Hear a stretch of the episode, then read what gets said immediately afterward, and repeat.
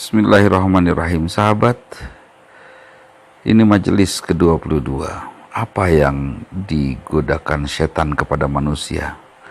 Prinsipnya setan mendendam. Dia ingin hidup abadi untuk menggoda manusia Agar manusia tidak bersyukur. Siapa manusia yang tidak bersyukur itu? Tentu manusia yang memiliki karakter seperti setan laknatullah.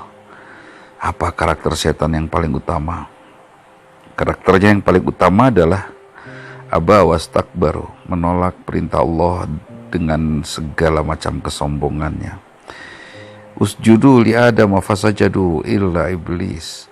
Sujudlah kepada Adam. Semuanya sujud kecuali iblis. Kenapa aba wastakbaru? Dia menolak itu karena dia sombong. Apa kesombongannya?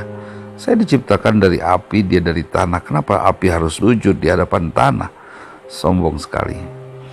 Masya Allah, apa kesombongan itu? Ya kesombongan saat kita tidak berdoa kita menganggap tidak memerlukan Allah. Saat kita tidak mau sholat misalnya kita menganggap tidak penting itu padahal Allah memerintahkan kita untuk sholat. Setan disuruh dengan satu perintah sujud kepada Adam dia tidak mau langsung tercampakkan ke neraka.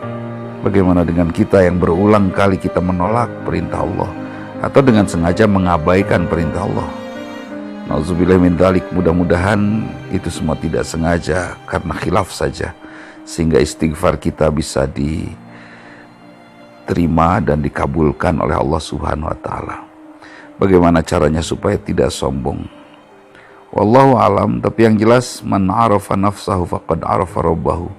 Barang siapa kenal dirinya, maka dia akan kenal siapa yang merawatnya, siapa Allah siapa Tuhannya. Kita tahu rizki yang memberi siapa? Allah. Kita tahu yang memberi sakit atau memberi sehat siapa? Corona bukan.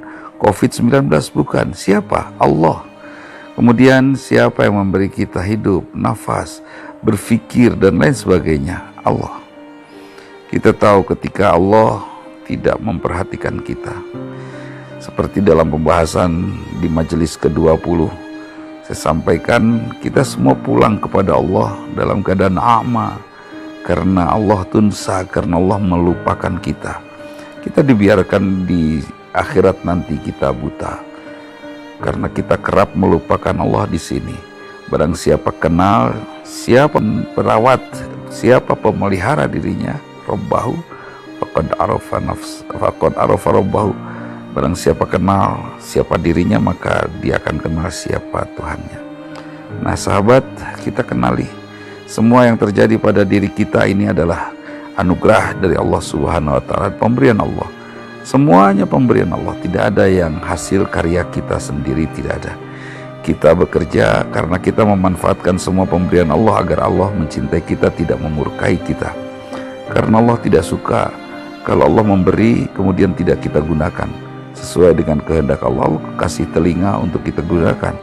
Allah kasih tang eh, kaki untuk kita manfaatkan. Sesuai dengan kehendak Allah pemanfaatannya tentunya termasuk. Allah anugerahkan kepada kita rizki. Kita harus memanfaatkannya.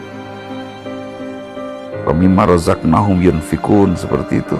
Dengan apa yang sudah Allah rizkikan kita nafkahkan kita infakkan kita manfaatkan sebaik-baiknya Nah sahabat mudah-mudahan kita termasuk orang-orang yang bisa mengikis kesombongan kita sehingga kita merasakan betul bagaimana Allah hadir. Orang yang sombong itu tidak bisa merasakan kehadiran Allah dalam kehidupannya. Bahkan orang yang sombong cenderung menganggap dirinya lah yang paling berkuasa. Kemudian yang lebih rendah dari itu menganggap hartanya lah yang sangat penting dibanding dirinya. Yang lebih rendah dari itu makananlah yang sangat penting dibanding dirinya bahkan. Sehingga ada orang yang mencari makan dengan cara mematikan orang lain Masya Allah. Jangan mudah-mudahan Allah melindungi kita dari kesombongan. Itu saja majelis ke-22 Dudi Mutakin. Assalamualaikum warahmatullahi wabarakatuh